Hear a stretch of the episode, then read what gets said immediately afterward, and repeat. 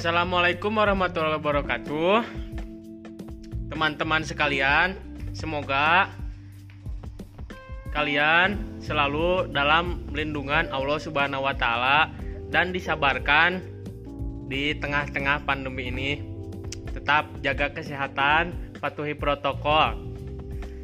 Kami dari kelompok 4 akan memaparkan mengenai main po Cianjur dan silat aliran Gajah Putih.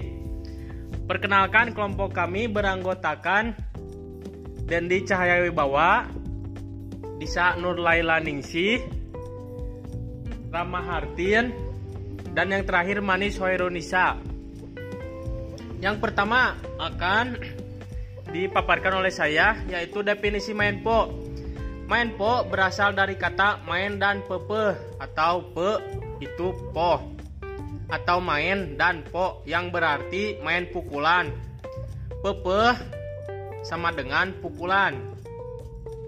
Main po berasal dari kata main anu tara mere tempo artinya permainan yang tidak memberi tempo kepada lawan sehingga lawan tidak bisa mengembangkan jurusnya. Main po berasal dari bahasa Sunda yang disebut main poho. Poho dalam bahasa Indonesia berarti lupa. Jadi main po sebagai main sampai kita lupa bentuk jurus itu. Maksudnya, badan kita itu bukan digerakkan oleh kemampuan tetapi oleh badan itu sendiri. Dalam kata lain, refleks dan relax. Mengerti ya teman-teman? Jadi main po itu e, seni bela diri silat yang diutamakannya pukulan atau bahasa Sundanya itu dalam main po napal tidak ada jadi temponya itu cepat. E, selanjutnya itu main po Cianjur. Main po yaitu seni bela diri khas Cianjur. Sejak dulu Cianjur dikenal dengan seni bela diri pencak silat yang menghasilkan beberapa aliran terkenal. Antara lain aliran Cimande Sabandar dan Cikalong. Yang sampai Kini masih dipelajari dan diminati pecinta pencak silat oleh berbagai kalangan baik di daerah-daerah lokal maupun mancanegara. Menpo atau dikenal juga dengan istilah pencak silat adalah suatu kesenian bela diri yang menggambarkan keterampilan dan ketangguhan. Lalu ada aliran-aliran dalam main po tersebut. Yang pertama, aliran Cimande Silat Cimande adalah salah satu aliran pencak silat tertua yang telah melahirkan berbagai perguruan silat di Indonesia, bahkan sampai luar negeri. Banyak versi yang menjelaskan tentang berdirinya pencak silat ini. Semua komunitas Mainpo Cimande sepakat tentang siapa penemu Mainpo Cimande. Semua mengarah kepada Abah Khair, yaitu penulis. Penulisan ada yang Kaher, kahir, kair, kair, dan sebagainya. Abah dalam bahasa Indonesia berarti eyang.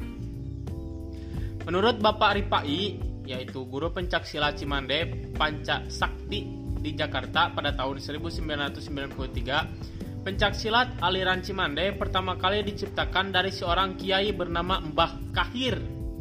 Mbah Kahir adalah seorang pendekar pencak silat yang disegani. Pada pertengahan abad ke kira-kira tahun 1760-an eh, Mbah Kahir pertama kali memperkenalkan kepada murid-muridnya jurus silat. Oleh karena itu, ia dianggap sebagai guru pertama silat Cimande.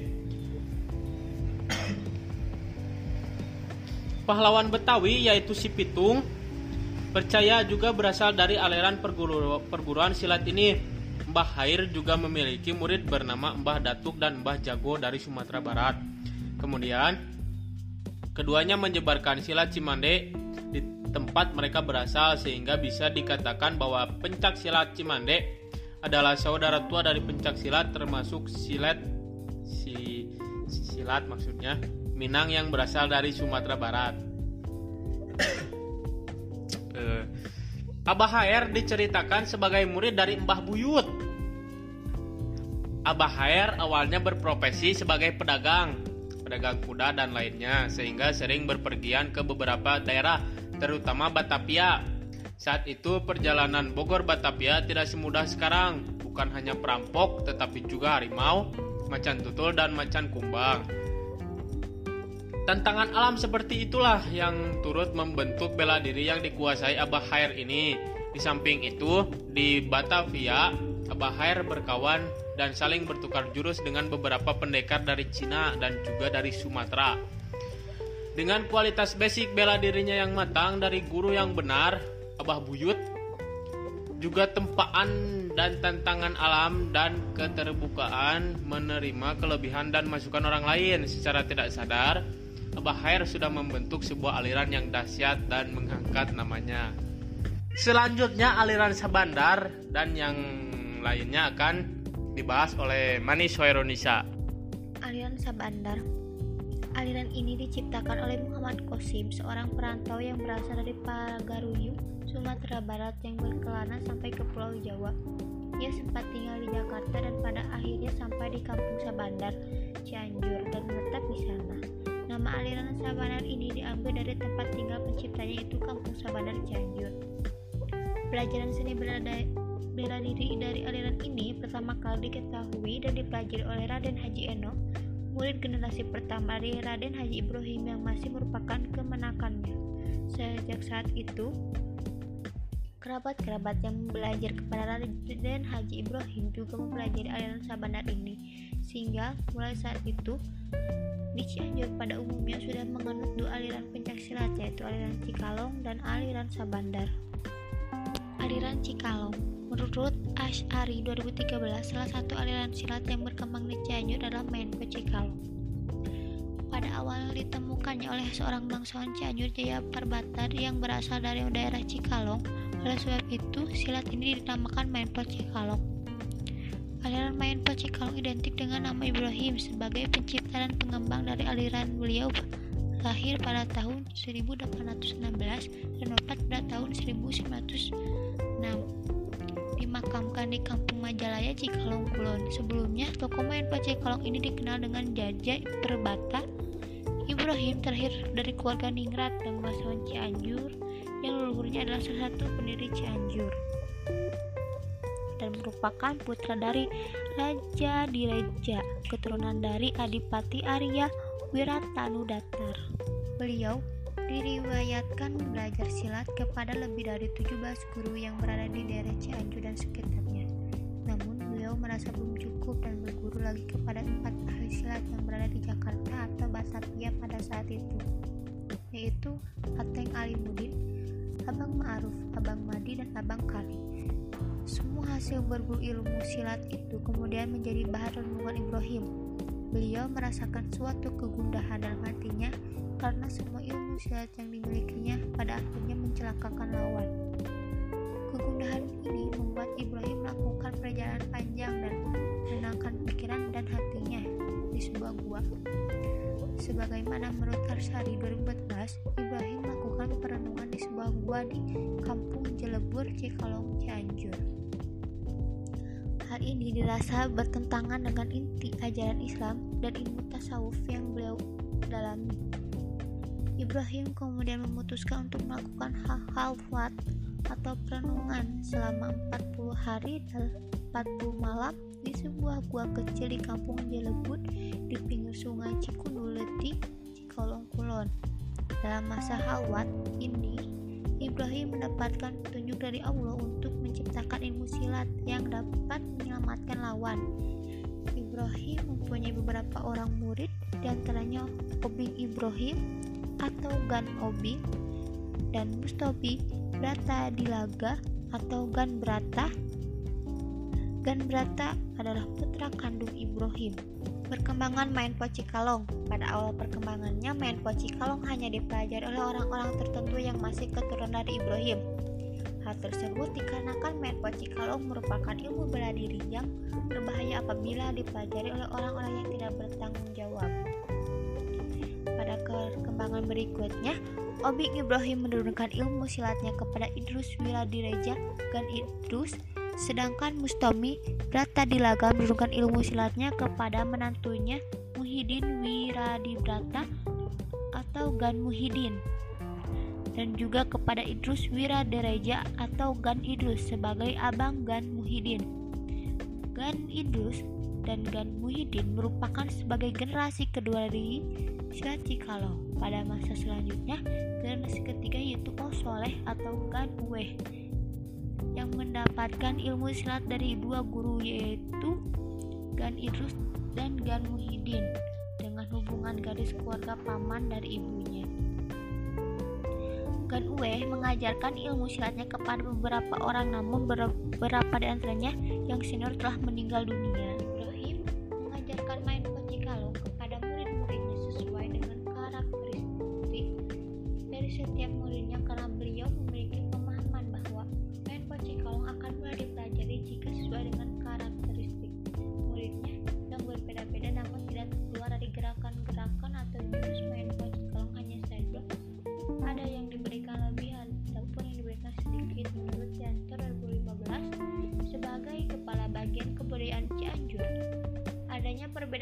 Dalam mengajarkan main kalong tersebut menyebabkan murid-muridnya memiliki keahlian yang berbeda-beda.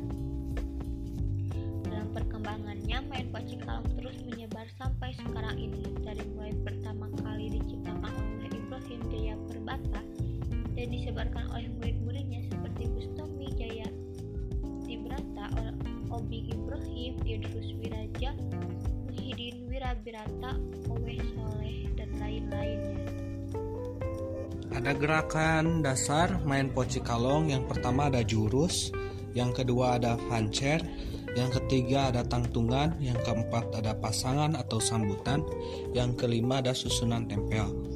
Gerakan-gerakan main poci kalong jurus dilanjutkan dengan suliwa dilanjutkan dengan serong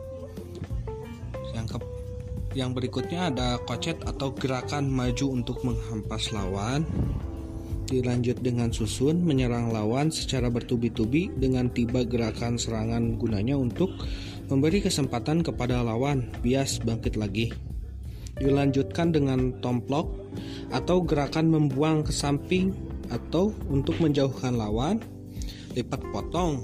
Dilanjutkan dengan jurus tujuh terus ada potong serong gerakan mengawal lengan tangan lawan menggunakan ujung sikut sambil memutar spiral ujung tangan Terus ada falsafah main kalong. Menurut Kamus Besar Bahasa Indonesia, falsafah mempunyai pengertian yang sama dengan filsafat. Ruslan Abdul Ghani dikutip dari Noto Jitno mengartikan filsafat atau filsafat sebagai kegandrungan mencari hikmah kebenaran serta kearifan dan kebijakan sanaan dalam hidup dan kehidupan manusia. Pada dasarnya, falsafah adalah pandangan dan kebijakan hidup manusia dalam kaitan dengan nilai-nilai budaya, nilai sosial, nilai-nilai moral, dan nilai-nilai agama yang diujung, yang dijunjung tinggi oleh masyarakatnya. Dilanjutkan falsafah main pocikalong yang pertama lam, lamun dedeleka sok cilaka. Artinya jika kita berbuat hianat terhadap orang lain justru kita yang celaka. Lair aisan artinya banyak pertimbangan untuk mengambil keputusan yang tepat. Wijaksana artinya antara bijaksana dan percaya diri. Tungkul kajukut tangga kasadapan artinya melihat ke bawah dan melihat ke atas. Sauyunan artinya sifat saling tolong menolong. Hidup tawakal artinya hidup mandiri gelut jeng diri sorangan artinya musuh pertama adalah diri kita sendiri nilai-nilai yang terkandung dalam main pocikalong mencakupi yang pertama ada sportivitas kejujuran disiplin keberanian rendah hati hormat pada guru kasih sayang pengampunan pengendalian diri dan nilai ibadah kesakralan main pocikalong Aliran Kalong menggunakan gerakan-gerakan yang mengandung falsafah-falsafah kehidupan. Sesuai dengan ajaran Islam yang baik sehingga tidak menerima image-image negatif. Dengan begitu, main poci kalong ini sak sangat sakral karena sangatlah suci dan tidak ada unsur kejahatan dalam pembawaannya. Struktur pertunjukannya sebagai berikut. Yang pertama ada pembukaan, yaitu sikap tangan dalam menyerang dan menghadapi lawan. Yang kedua ada tabuh alat musik permulaan, kemudian diiringi musik sampai berakhir pertarungan alat musik yang digunakan yaitu kendang atau ketuk kerbab. Yang ketiga ada yaitu pesilat menggunakan pakaian pangsi dan ikat yang gagah sambil membawakan gerakan dasar main po yang terdiri dari jurus, pancar, tangtungan, pasangan. Yang keempat, setelah berpasangan dan saling mengeluarkan gerakan jurus pesilat yang tenang langsung beralih pasangan. Yang kelima, memberikan salam penutup dan saling bersalaman. Selanjutnya, saya Disa Sri Nurlainingsih akan menyampaikan materi mengenai silat aliran gajah putih. Silat aliran Gajah Putih adalah sebuah perkumpulan seni bela diri atau pencak silat seluruh Indonesia yang lahir di tanah Sunda, tepatnya di KP Geger Pasang, Desa Sukarasa, Kecamatan Samrang, Kabupaten Garut. Seni tradisional bela diri orang Sunda ini didirikan dan dideklarasikan pada tahun 1959 oleh guru besar almarhum Haji Jainuddin warga KP Geger Pasang, Desa Sukarasa, Kecamatan Samerang, Kabupaten Garut. Setelah dideklarasikan secara resmi, seni bela diri ini secara perlahan-lahan mengalami perkembangan dan banyak warga yang mulai mencintai dan melestarikan seni bela diri ini. Dengan cara ikut bergabung menjadi anggota atau murid di Paguron Gajah Putih. Tujuan mereka adalah selain untuk berolahraga, yaitu menjaga kesehatan badan dan juga untuk menjaga diri. Seni bela diri pencak silat Gajah Putih ini dari tahun ke tahun anggotanya terus bertambah. Hal, hal itu bisa dilihat dari banyaknya jumlah anggota atau warga yang ikut berlatih. Setelah perkembangan Gajah Putih dirasakan sudah cukup pesat, maka pada tahun 1983 Haji Jainuddin mengundurkan diri dari kepengurusan dan beliau kembali ke Paguron. Selanjutnya organisasi dipimpin oleh Awajihadin sampai tahun 1989.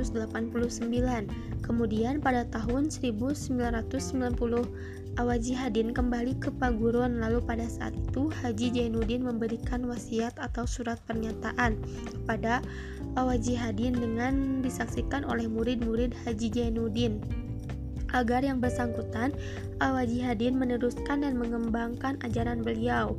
Seiring dengan berjalannya waktu, perkembangan seni bela diri ini mengalami kepakuman dan tidak begitu terdengar gaungannya, terlebih sepeninggalnya guru besar, pendiri dan deklarator Gajah Putih Megapaksi Pusaka, almarhum Haji Jainuddin, seni bela diri pencaksilat Gajah Putih seperti hilang di telan zaman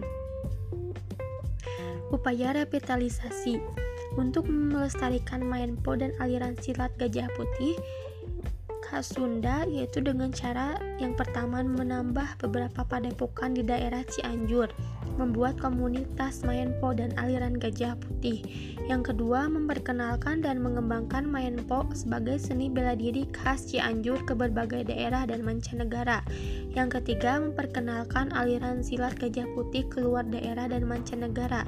Yang keempat, menyelenggarakan pelatihan, seminar, diseminasi, lokakarya, diskusi panel, apresiasi, dan kegiatan lainnya yang berhubungan dengan pelestarian dan pengembangan Mayenpo. Yang kelima, mengadakan pagelaran seni budaya Mayenpo dan aliran silat gajah putih agar tetap terjaga kelestariannya. Kesimpulan dari materi Mayenpo Cianjur dan silat aliran gajah putih yaitu Mayenpo atau seni bela diri khas Cianjur dikenal sebagai seni bela diri pencak silat yang menghasilkan beberapa aliran terkenal antara lain aliran Cimande, Sambandar, Cikalong. Salah satu aliran yang berkembang dan bertahan yaitu aliran Cikalong. Aliran silat Gajah Putih adalah sebuah perkumpulan seni bela diri atau pencak silat seluruh Indonesia yang lahir di tanah Sunda. cukup sekian penyampaian materi dari saya. Mohon maaf bila ada kesalahan dalam pengucapan dan penyampaian materi. Uh, terima kasih. Wassalamualaikum warahmatullahi wabarakatuh. Mungkin cukup sekian presentasi dari kelompok 4. Kurang lebihnya mohon dimaafkan. Wabillahi taufik wal hidayah. Wassalamualaikum warahmatullahi wabarakatuh.